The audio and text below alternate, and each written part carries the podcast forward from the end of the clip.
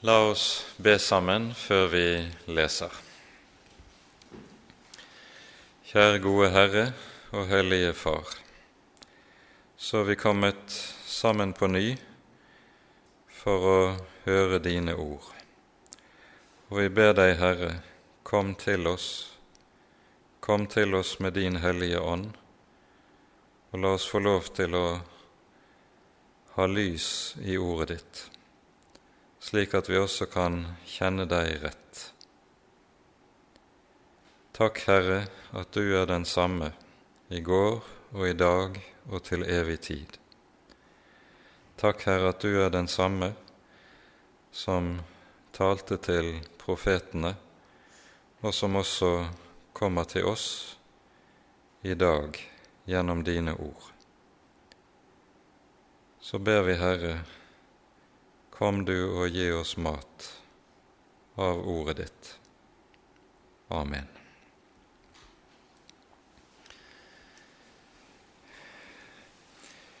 Vi tar da altså for oss det første kapittelet i Jeremia-boken og leser det nå innledningsvis i sammenheng.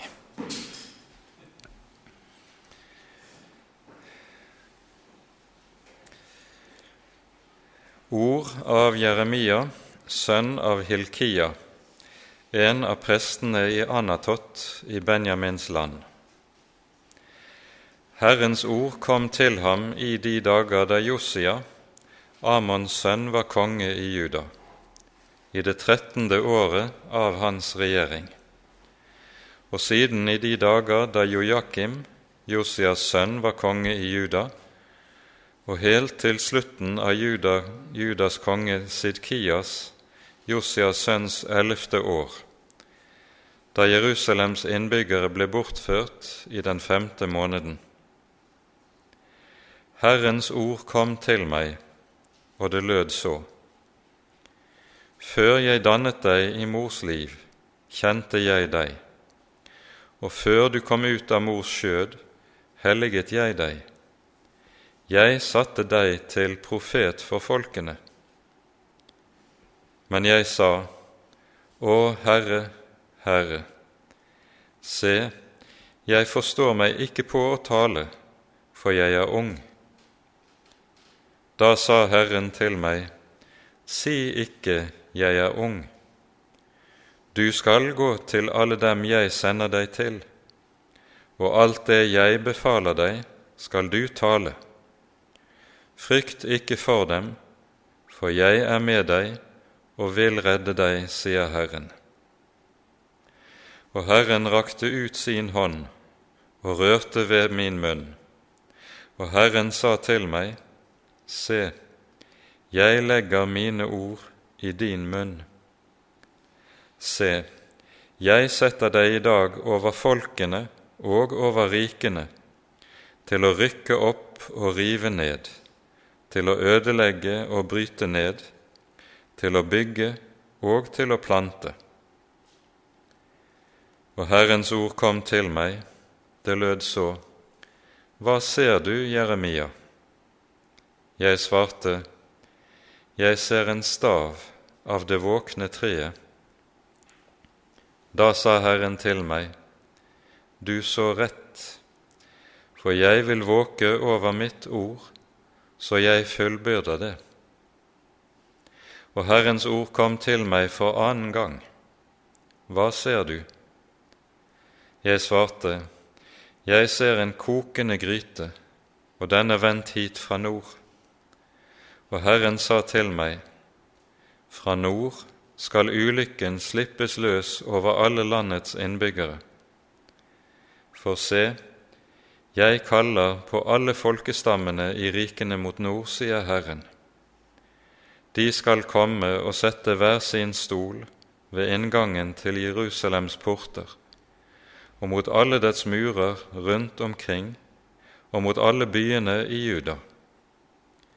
Og jeg vil avsi mine dommer over dem på grunn av all deres ondskap, fordi de forlot meg og brente røkelse for andre guder og tilba sine egne henders verk. men du skal binde opp om deg og stå opp og tale til dem alt det jeg befaler deg. Vær ikke redd for dem, så jeg ikke skal gjøre deg redd for dem. Og se, jeg gjør deg i dag til en fast borg og til en jernstøtte og til en kobbermur mot hele landet, mot Judas konger, mot dets høvdinger, mot dets prester og mot folket i landet. De skal kjempe mot deg, men ikke få overhånd over deg. For jeg er med deg, sier Herren, jeg vil redde deg. Amen.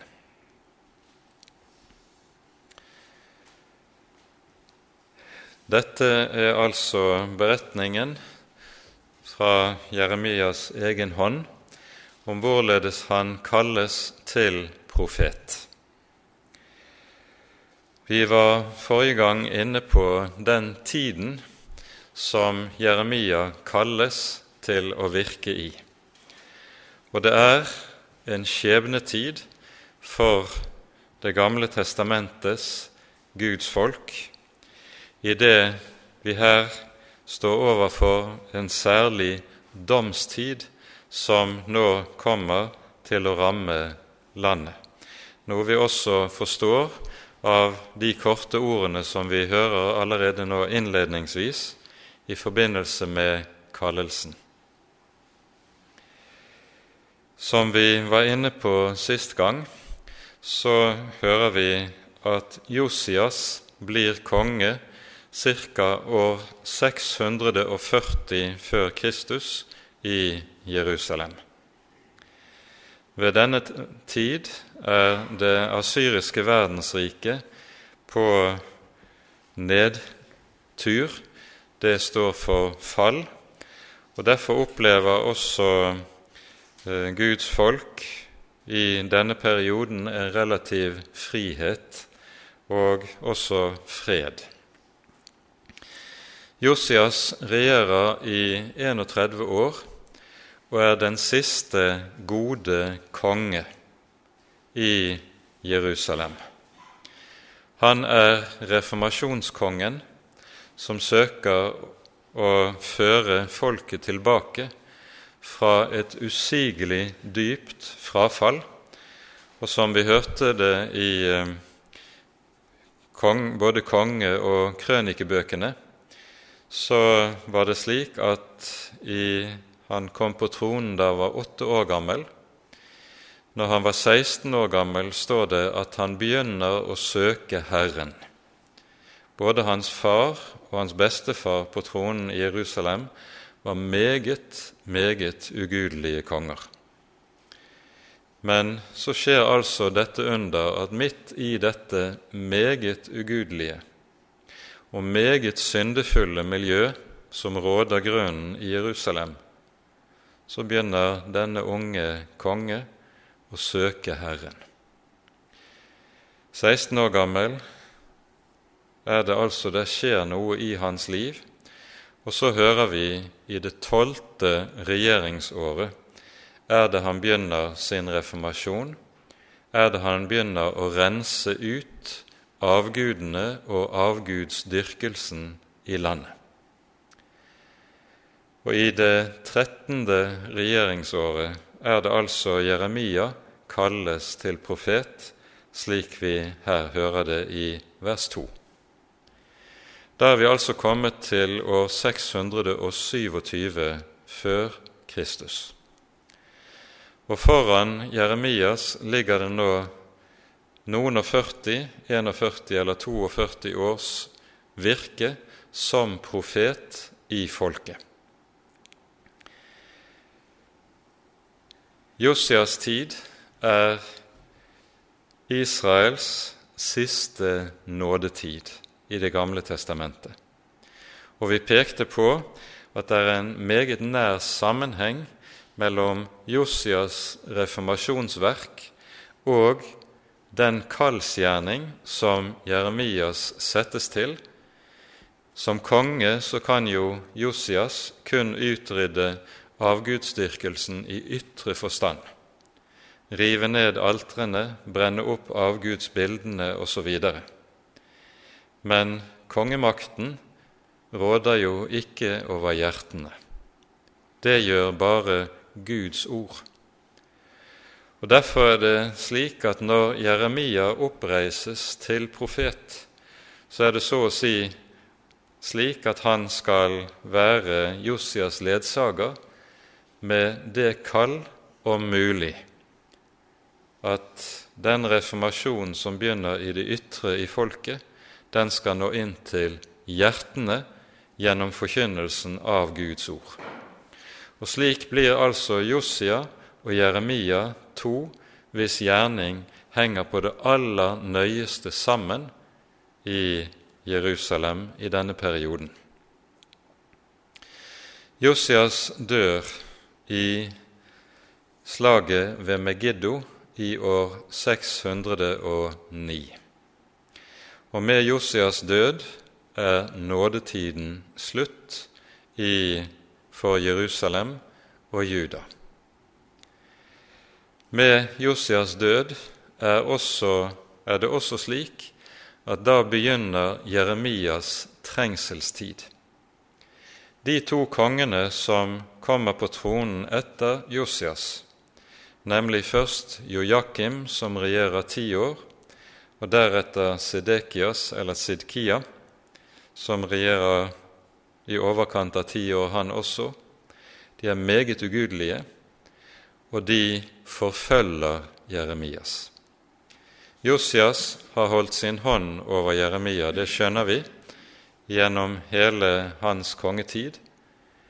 Men under de to følgende kongene begynner den tiden der Jeremia opplever stadig sterkere motstand og forfølgelse, en forfølgelse som tidvis går på livet løs.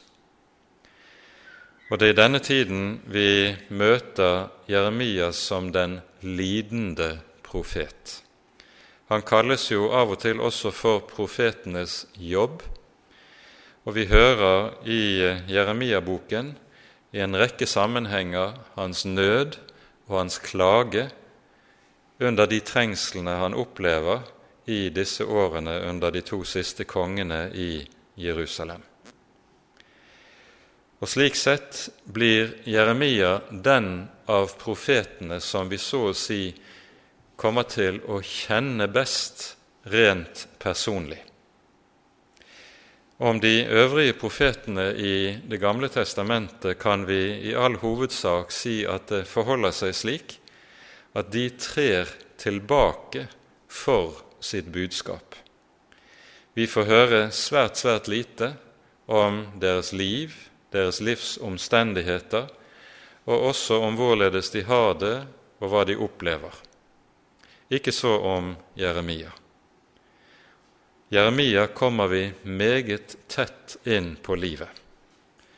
Og som nevnt, han kalles altså profetenes jobb på grunn av den smerte og lidelse han må igjennom. Når Sidkia sin kongetid avsluttes, skjer det i år 587 eller 86 før Kristus. Det skjer med at babylonerne erobrer Jerusalem,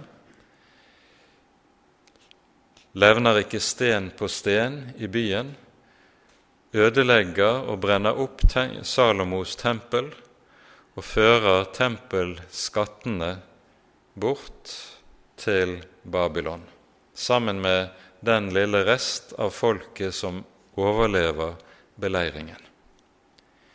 Det er en meget tung dommens tid. Og når dette altså skjer, har Jeremia virket som profet i vel 41, kanskje 42 år. Det er en meget dramatisk tid i det gamle Israels historie. Og det er også meget dramatiske år for profeten selv, som vi etter hvert også skal få se. Vi hører om Jeremia at han er prest. Dette er noe som gjelder om svært mange av de senere profetene. Alle profetene som virket etter gjenkomsten fra Babylon, Haggai, Zakaria og Malakia, var prester, altså slike som gjorde tjeneste ved tempelet i Jerusalem. Det samme gjelder profeten Esekiel og sannsynligvis også profeten Habakuk, og altså Jeremia. Dette henger antagelig det at det i særlig utstrekning i denne perioden er prester som kalles til profeter, henger antagelig sammen med at i tillegg til at prestene hadde som oppgave det å gjøre offertjeneste i tempelet, så hadde de også som oppgave å undervise folket i Guds ord. Derfor var det slik at hos prestene fantes det kopier av de skriftruller som var Guds hellige ord den gang, og kjennskapet til Guds ord var noe som først og fremst fantes blant prestene. Og Da er det ikke unaturlig at det nettopp er slike som kjenner Herrens ord, som også kalles til og reises opp til å være profeter. Jeremia kommer fra en liten by som heter Anatot, som ligger en times gange nord for Jerusalem. Dette var en såkalt presteby, eh, og vi hører hans far navn er Hilkia. Ypperstepresten i denne tiden, der Jeremia kalles til profet, heter også Hilkia. Og enkelte har trodd at Jeremias far altså var yppersteprest ved tempelet i Jerusalem. Det er nok neppe tilfellet. Hvis nemlig så var tilfellet, så hadde det ganske sikkert stått her i innledningen til boken. Og dernest Eh, er det også slik at i prestebyen Anatot så bodde det en gren av Arons etterkommere som ikke hørte til den ypperste prestelige slekten. Så det er, like, det er lite trolig at det er eh, ypperstepresten som er Jeremias far. For øvrig så er det slik at navnet Hilkia var et relativt vanlig navn blant prester. Det er et navn som betyr 'Herren er min del'. Og Navnet går tilbake til ordene i 4. Moseboks 18. kapittel vers 20, der det sies uttrykkelig til Arons stamme og Arons etterkommere at de ikke skal ha noen del i det lovede land, fordi Herren selv vil være deres del. Det er det privilegium som prestene får lov til å eie. Herren er deres del. Og Det er altså med utgangspunkt i dette ordet i Fjerde Mosebok at navnet Hilkia kom til å bli et relativt vanlig navn blant prester.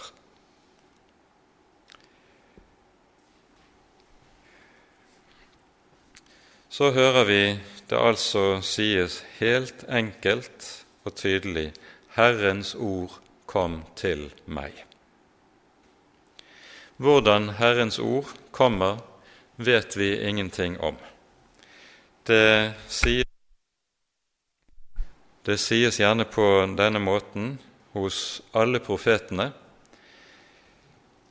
og det er helt tydelig at Herrens ord er noe som kommer til dem tydelig og lydelig, slik at det er helt umisforståelig for de som kalles, hvem det er som kaller dem.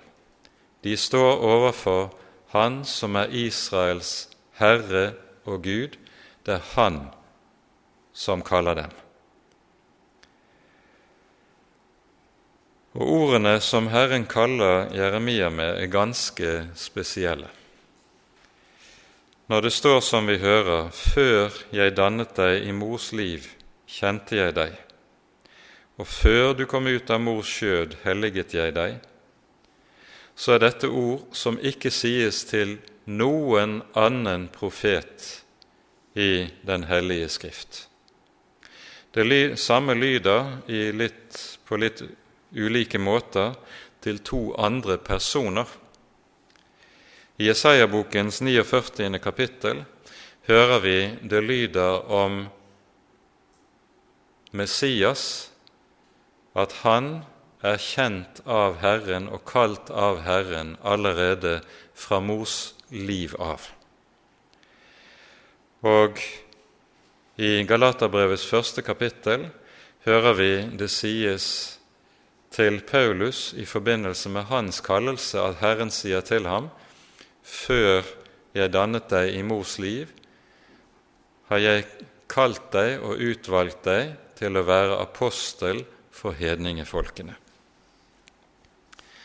Og Det som er særegent i denne sammenheng, er at det at Gud kaller allerede i mors liv, det sies i sammenheng med at Herren utvelger noen med tanke på hedningefolkene. Det lyder både i Jesaja 49 om Messias' gjerning overfor hedningene, her hos Jeremia og hos Paulus, altså. Dette henger antagelig sammen med, for ganske særlig for Jeremias del,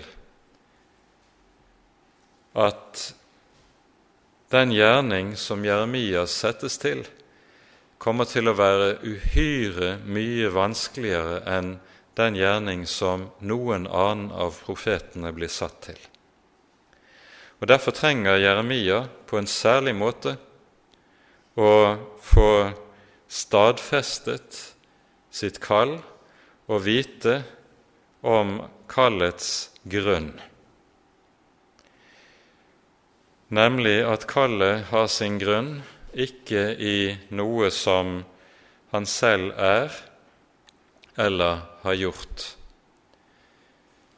Kallet har sin grunn i Herrens egen utvelgelse, og derfor står kallet fast, hvordan det nå enn går i hans liv, hvor høyt bølgene enn bruser om ham. Kallet står fast. Og så sies det altså, når Herren har helliget profeten, jeg satte deg til profet for folket ned, altså ikke bare for Israel, men for folkeslagene. Dette, venner, dette hører vi mer om uh, ved slutten av kapittelet, men vi ser i Jeremias profetiske budskap at det ikke bare er Guds folk Israel som er gjenstand for hans profetiske virke, men også alle hedningefolkene som bor i Israels nærhet. Dette henger jo sammen med at vi i denne tiden, når det babylonske verdensriket nå vokser frem og får makten og blir, kommer til å bli datidens supermakt, så blir det, dette samtidig også en veldig domstid over alle folkene i hele denne delen av verden. Og det er som en som settes til profet for folkeslagene, Jeremia kalles. Og så er det vi hører Jeremia umiddelbart kommer med sin innvending. Herre, Herre, jeg forstår meg ikke på å tale, for jeg er ung. Den betegnelsen som anvendes for å være ung, den kan bety alt fra å være tenåring helt til å være voksen, gift mann. Og Antagelig er det her slik at Jeremia er ca. 20 år gammel når han kalles. Det som var ordningen i det gamle Israel, var at de som hørte til prestestammen, de begynte ikke i sin gjerning som prester i tempelet før de var 30 år gamle. Forut for dette gikk der en opplæringstid for tjenesten som varte i hele ti år. Den begynner altså ved 20 års alder. Det er antagelig og ikke usannsynlig at det nettopp da er slik at Jeremia nå står ved å begynne på sin utdannelse til prestegjerning i tempelet. Og som sådan er han derfor ung. Som sådan er han derfor en som ikke har noen posisjon, ikke har noen myndighet, ikke har noen stilling som gjør at folk vil kunne finne det naturlig å høre på ham. Derfor ser Jeremia det som en veldig vanske for en slik gjerning nettopp at han er ung. I tillegg så hører jo dette som vi møter senere gjennom Jeremias profetiske bok, at han rent personlighetsmessig er en sart natur. Han er en som slett ikke har elefanthud, og derfor, når folk møter ham med motstand, motvilje, spott og forfølgelse, så koster dette ham voldsomt mye. Dette skal vi etter hvert se mer av. Så det at han også er ung, det føler nok profeten for sitt eget vedkommende gjør ham fullstendig uegnet til en slik gjerning som Herren kaller ham til. Og så protesterer han. På samme måten kan vi høre Moses også protestere når han kalles av Herren. Slik vi leser om det i 2. Moseboks 3. og 4. kapittel, der Moses står ved tårnebusken. Men her ser vi noe som er karakteristisk for Herrens måte å kalle på. Han kaller mennesker som i sine egne øyne kjenner seg ganske uegnet og uskikket til det Herren kaller til. I motsetning til dette står en annen gruppe forkynnere som vi hører rikelig av og om senere i Jeremias bok, nemlig de falske profeter. De opptrer selvkallet. Herren har ikke kalt dem, likevel løper de. Herren har ikke talt til dem, likevel taler de. De mangler ikke frimodighet i det hele tatt. Mens for Herrens profet er det motsatt. Han må lokkes, og han må, fordi han fullstendig mangler frimodighet, så trenger han på en særlig måte at Herren styrker ham og gir ham sine løfter om at han stadig vil være hos ham, følge ham, bære ham og beskytte ham i det han kommer til å stå overfor. Og Derfor er det altså at Herren først svarer ham med å si:" Si ikke 'Jeg er ung'. Du skal gå til alle dem jeg sender deg til, og alt det jeg befaler deg, skal du tale. Frykt ikke for dem, for jeg er med deg og vil redde deg, sier Herren. Dette som her lyder 'Jeg er med deg', det er svaret på enhver innvending som Herrens folk måtte ha, enhver betenkelighet og alt som en ser for seg, gir grunn til bekymring og til frykt. Jeg er med deg. Det er nok for et Guds barn og for en Guds tjener. Jeg er med deg. Da gjelder det, som Paulus skriver, dersom Gud er med oss, hvem kan da være imot oss? Slik leser vi i Romane 8.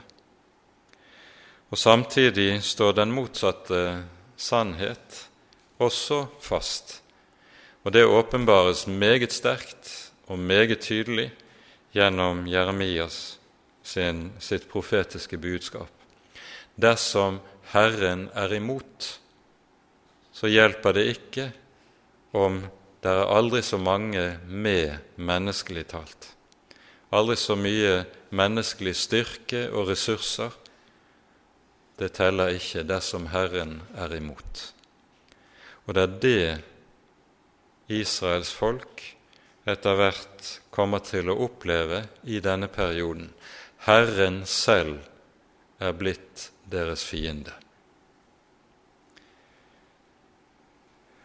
Jeg er med deg og vil redde deg, sier Herren. Og så kommer det, Herren rakte ut sin hånd og rørte ved min munn, og Herren sa til meg, Se, jeg legger mine ord i din munn. Når Moses svarer Herren og sier, Jeg kan ikke tale, jeg er tung i mele og tung i tale. Så svarer Herren ham, Hvem har gitt mennesket munn? Hvem er det som gjør stum eller døv, eller gir å tale? Herren er den som gir og virker alt dette. Og så er det at Herren altså gjør dette så bokstavelig at han rekker ut sin hånd og legger sine ord i profetens munn. Og På denne måten så blir profeten redskap for Guds ord i hele sin gjerning. Og det er dette som jo er saken. Han er redskap for Guds eget ord. Med dette står vi overfor den sannhet som jo er og blir den bærende sannhet når det gjelder forholdet til budskapet som er gitt oss i Skriften. I 2. Peters brev hører vi det sies følgende.: Aldri er noe profetord brakt frem av menneskers vilje, men de hellige Guds menn talte drevet av Den hellige ånd. Dette gjelder profetene i deres budskap, og dette er det som gjelder Jeremia i det som nå ligger foran. Han taler drevet av Den hellige ånd, fordi den levende Gud selv har lagt sine ord ned i ham. Og så lyder det altså:" Jeg setter deg i dag over folkene og over rikene til å rykke opp og rive ned, til å ødelegge og bryte ned, til å bygge og til å plante. Legg merke til hvordan dette formuleres. Det sies her altså ikke 'Jeg setter deg i dag over folkene til å forkynne om dem at de skal rykkes opp og rives ned', osv. Nei, det sies til profeten selv at han skal rykke opp og rive ned, osv. Og, og vi forstår hva som er tankegangen i dette. Det er ordet fra Guds egen munn som ligger i Jeremias munn, som utvirker dette. Det ord som Herren la tale og lyde gjennom sine profeter, det ord er det som får en virkekraft i historien slik at historien utvikler seg på Guds ord og etter Guds vilje. Det som vi her hører, er i prinsippet nøyaktig det samme som vi hører gjennom Elias' munn et par hundre år før dette. Han sier til den ugudelige kong Akab det skal i disse år ikke falle verken dugg eller regn utenpå min befaling. Kan et menneske befale over skyene? Kan et menneske befale over regnet og været? Overhodet ikke. Men for den som er satt av Herren til profet, og som er gitt Guds ord på dette vis som vi her hører, der blir det slik at ordet i profetens munn blir en virkende kraft inn i historien, slik at det som profeten taler, det skjer. Det er denne sannhet som vi hører understreket meget tydelig i Jesaja-bokens 55. kapittel, der det står følgende:" like som regnet og snøen faller ned fra himmelen og ikke vender tilbake dit, men vanner jorden og får den til å bære og gro, så den gir såkorn til såmannen og brød til den som eter. Slik skal mitt ord være som går ut av min munn.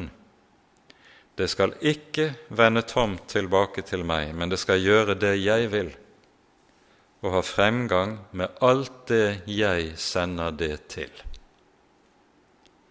Slik er det Herrens ord er i profetens munn. Og på samme måte som det sies til Moses når han blir kalt, Jeg setter deg til Gud for farao.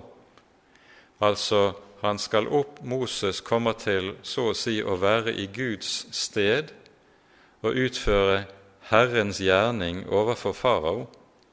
Slik settes Jeremias nærmest på samme måte til Gud for folkeslagene, til å rykke opp og rive ned, osv. Det vi også legger merke til i det som sies her, det er at det brukes fire verb om den ødeleggende gjerning, dommens gjerning, som skal skje i historien, og to verb om den byggende, altså den velsignende gjerning. Dette peker på det som kommer til å bli også hovedtyngden i Jeremias budskap. Han er først og fremst en dommens profet. Hans kall består i å refse folkets synd, kalle det til omvendelse og true folket med Guds dom dersom dette ikke skjer. Og dette er og blir hovedinnholdet i hans budskap. Til forskjell fra f.eks. For Jesaja, som levet ca. 100 år forut for Jeremia, så er det slik at Jeremias budskap retter seg nærmest utelukkende til hans nære samtid og nære fremtid. Jesaja skuer fremover, skuer frem til Messias komme, ja, skuer helt frem til den tid når Gud vil skape nye himler og en ny jord. Det er perspektivet i Jesajas bok. Et sånt perspektiv finner vi ikke i Jeremias bok. Det peker frem mot dommen ved Babel, som altså skjer i Jeremias 40. eller 41. år som profet. Og vi hører et par korte steder eh, løfter om den kommende Messias, og vi hører også et par steder løfte om utfrielsen fra Babel. Det kommer også hos Jeremia. Men i all hovedsak budskapet hans retter seg inn mot hans nære samtid eller nære fremtid. Så fortsetter vi fra vers 11. Herrens ord kom til meg, og det lød så. Hva ser du, Jeremia? Jeg svarte, Jeg ser en stav av det våkne tre. Da sa Herren til meg, Du så rett, for jeg vil våke over mitt ord, så jeg fullbyrder det. Det våkne tre, det er mandeltreet, og det kalles for det våkne tre fordi det blomstrer før alle andre trær eh, etter vinteren. Og det blomstrer også på bar gren, altså før bladene er kommet ut. Og dette som Jeremia ser, det blir for ham et billed, en billedtale som skal prentes særlig inn i hans sinn med tanke på de vansker han står overfor. Herren lover, 'Jeg vil våke over mitt ord for å fullbyrde det'. Jeremia kommer til gjentatte ganger i sitt profetiske virke til å bli møtt med følgende innvending.: Det du profeterer om, det skjer jo ikke. Dermed er du en falsk profet. Dette er jo det kriteriet som gis allerede i Mosebøkene. I 5. Mosebok 18 så står det slik Kanskje du sier ved deg selv, hva skal vi kjenne det ordet på som Herren ikke har talt? Jo, lyder det, når det ordet som profeten taler i Herrens navn, ikke skjer og ikke går i oppfyllelse, da er det et ord som Herren ikke har talt. Det er et ord som profeten i overmot har dristet seg til å tale. Jeremia kommer til gjennom store deler av sitt virke å forutsi Jerusalems ødeleggelse. Men folket kan jo si til ham, det du har talt, skjer ikke. Du er en falsk profet. Og gitt den sarte personlighet som Jeremia hadde, så er dette slike ting som vil komme til å volde Jeremia store personlige anfektelser. Og Nettopp derfor trenger han på en særlig måte Guds forsikring, sånn som vi her hører det. Jeg vil våke over mitt ord for å fullbyrde det. Vi hører denne røsten som uh, spotter profetene og sier det dere har talt om, skjer jo ikke. Både hos Jesaja og hos Esekiel og her hos Jeremia. Det er en del av det, den spott, det kors, som profetene må bære. For Jeremia har dette vært særlig tungt. Og så er dette altså en del av Herrens forberedelse av sin unge profet for den gjerning som ligger foran. Det som så følger i vers 13, det står det som en sammenfatning av det som er selve kommer til å bli noe av selve hovedbudskapet til profeten. Herrens ord kom til meg for annen gang. Hva ser du? Jeg svarte, jeg ser en kokende gryte, og den er vendt hit fra nord. Og Herren sa til meg, Fra nord skal ulykken slippes løs over alle landets innbyggere. For se, jeg kaller på alle folkestammer i rikene mot nord, sier Herren. De skal komme og sette hver sin stol ved inngangen til Jerusalems porter, og mot alle dets murer rundt omkring og mot alle byene i Juda og jeg vil avsi mine dommer over dem på grunn av all deres ondskap, fordi de forlot meg og brente røkelse for andre guder og tilba sine egne henders verk. Her er det vi finner profetens budskap som han settes til å bære frem i en kjerne. Når det taler om ulykken som kommer fra nord, så vil kanskje en og annen si ja, ligger ikke Babylon i øst, da, øst for Israel og Jerusalem? Men det som jo var tilfellet i eh, datiden, det var at hærene ikke kunne dra tvers gjennom den syriske ørken og så å si komme direkte til Israel østfra. De måtte dra i en stor bue eh, eh, mot nord, og så kommer de altså inn i Israel nordfra.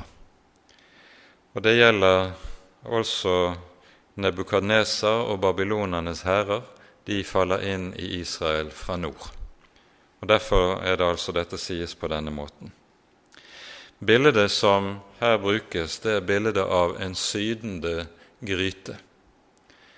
Den er varmet opp med sterk varme, og den det fosskoker. Og da er det jo også slik at eh, vannet, vannet som flommer over, det er i Det gamle testamentet særlig et gjennomgående bilde på folkeslagene som bruser i uro, i krig, i opprør og alt det som det fører med seg. Gryten koker her over og skaller og ødelegger alt det som ligger rundt den, og den varmen, den ilden som har varmet gryten opp, det er Herrens vredes ild. Og det er dette som kommer til å bli Jeremias hovedbudskap. Det er altså ikke noe særlig hyggelig budskap Jeremias settes til å bære frem. Det er et dypt alvorlig budskap det er et budskap som svarer til den skjebnetime som folket står overfor. Og her er det helt bokstavelig slik som vi hører det i 5. Moseboks 30. kapittel, der Herren sier til folket når Han har forkynt dem sitt ord jeg har lagt frem for deg livet og døden, velsignelsen og forbannelsen, livets vei og dødens vei. Så velg nå livet for at du kan leve. Det er nettopp dette som legges frem for folket gjennom profetens budskap. Det handler om liv og død i ordets mest bokstavelige forstand. Og så er det at Herren som historiens Gud, som fører sine dommer gjennom historien, altså utfører denne sin gjerning på konkret og historisk måte.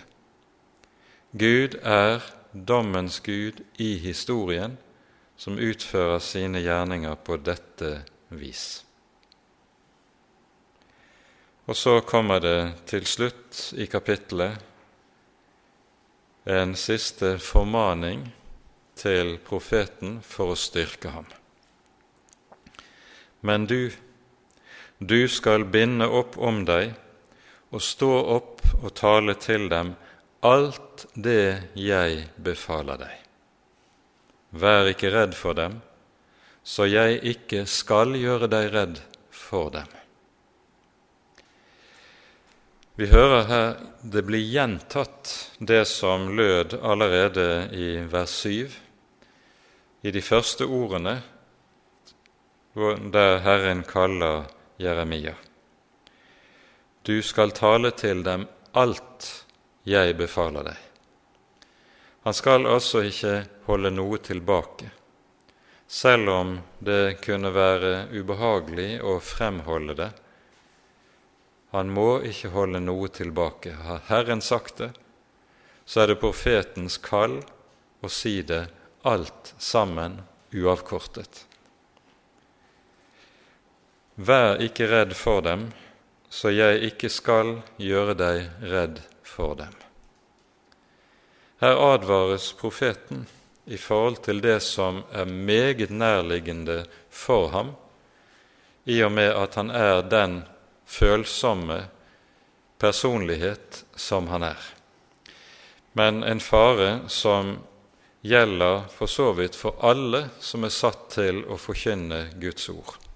Det er menneskefryktens fare.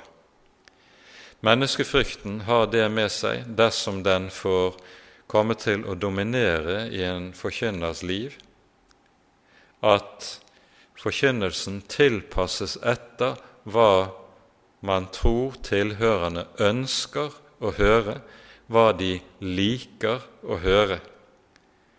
For da vil en unngå å bli upopulær. Da vil en i stedet kunne høste lovord og laurbær. Var det noe Jeremia aldri fikk, i sitt profetiske virke, så var det det. Det er helt avgjørende for den som er satt til å forkynne Guds ord, og være fri for mennesker fra å ta hensyn til hva mennesker ønsker skal bli sagt og ønsker skal lyde. I denne forstand må en Guds ords forkynner være hensynsløs, dvs. Si, ikke ta hensyn til mennesker, kun ta hensyn til hva Herren har sagt, hva Herren har talt i sitt ord. Og den fare som profeten står overfor, er at dersom han gir etter for menneskefrykten, da vil menneskefrykten også være det som får makten overfor ham. Vær ikke redd for dem, for at jeg ikke skal gjøre deg redd for dem. Da vil Herren selv skape en slik fryktsom ånd i sinnet at den til slutt bare slikker folk opp etter ryggen.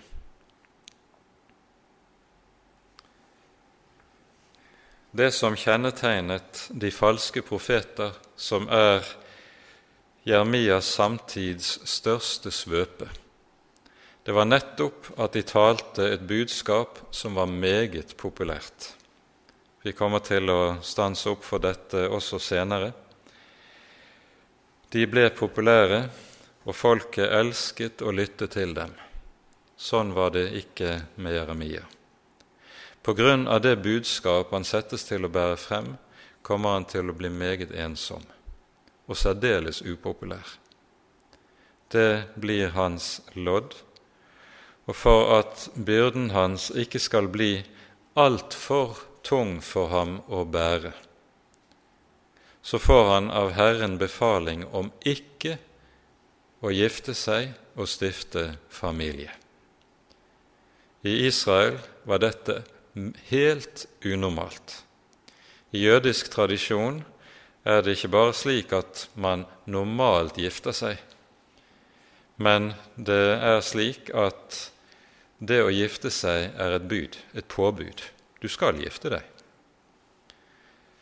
Eh, I disse 613 budene som eh, man gjerne sier i jødedommen at Moseloven eh, inneholder, så et av de første budene som gis, det er det som står i Første Mosebok 2. Derfor skal mannen forlate sin far og sin mor og holde seg til sin hustru. Det er et påbud innenfor jødedommen. Og Derfor er det å finne en ugift jøde eh, ganske sjeldent, ganske unormalt.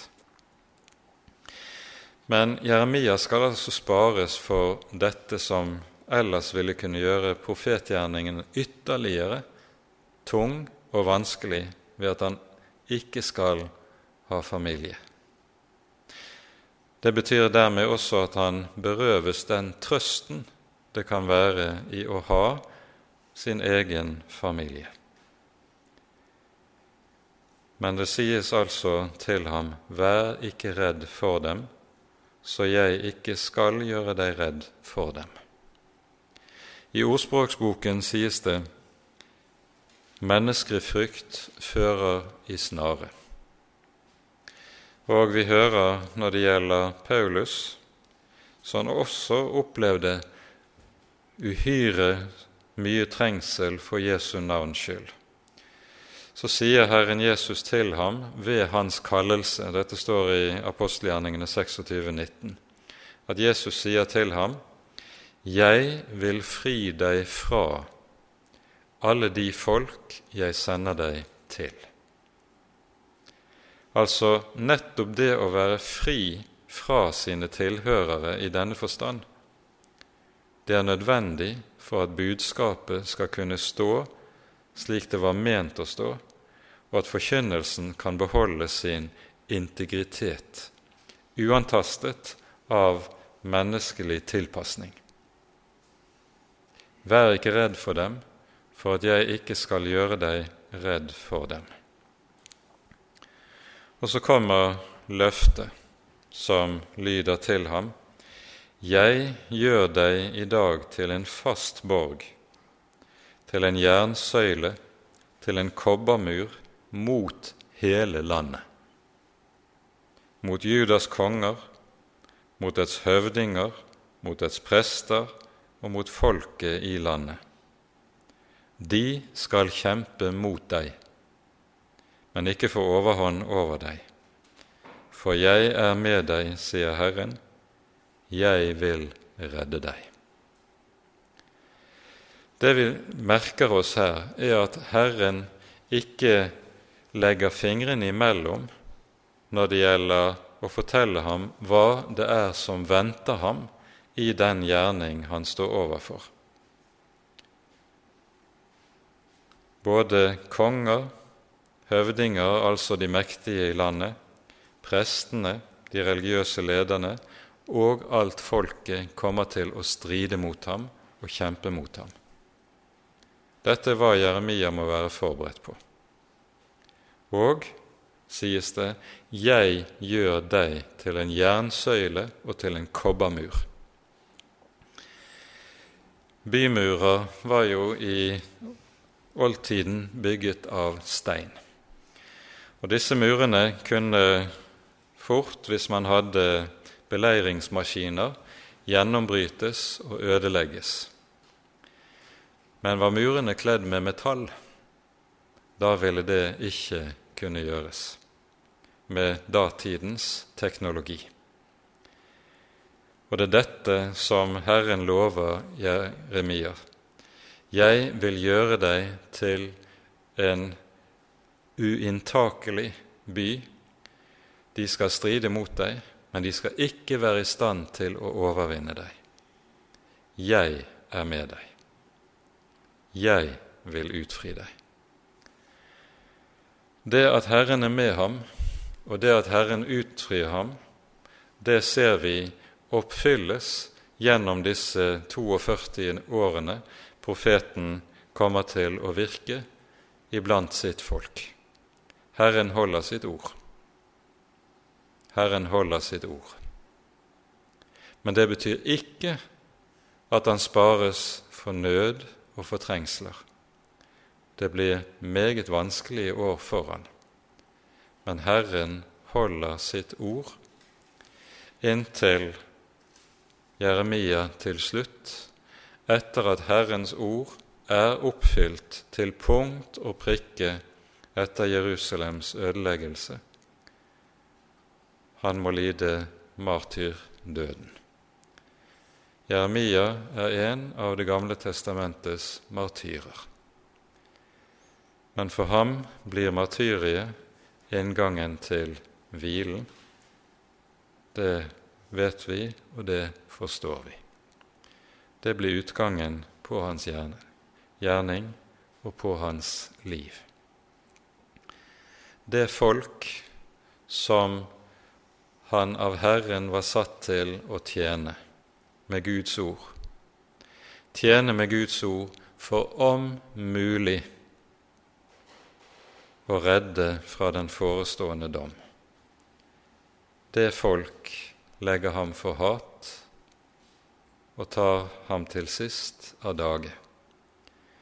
Så sannes det på Jeremia det som også lyder gjennom Hosea et sted, der Herren sier følgende:" Jeg ville frelse dem, men de talte ondt mot meg.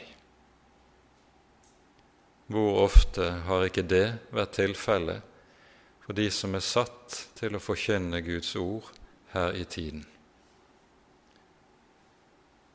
Herren sier, 'Jeg ville frelse dem', men de talte ondt imot meg. Det er vel ikke uvanlig i dag heller når det gjelder Guds ords forkynnelse. Til slutt vi må lese noen vers fra Salme 56, som på mange måter kan sies å være Om den enn er skrevet av David, så kunne det godt vært en Jeremias personlige salme.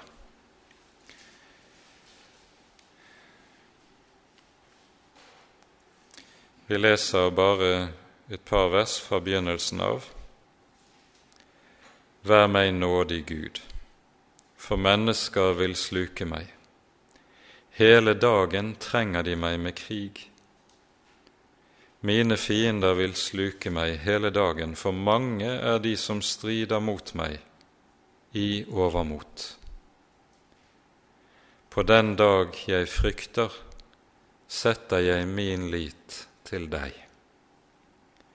Ved Gud priser jeg Hans ord. Til Gud setter jeg min lit. Jeg frykter ikke. Hva skulle et menneske kunne gjøre meg? Slik synger David i sine forfølgelsesdager. Og som prest som var for, så ville Jeremia også være fortrolig med Davids sanger, salmer som ble sunget i tempelet. Og så vil også denne salmen kunne være en Jeremias personlige bønn. Ordene i fire og fem dukker opp igjen mot slutten av salmen, vers 11 og 12.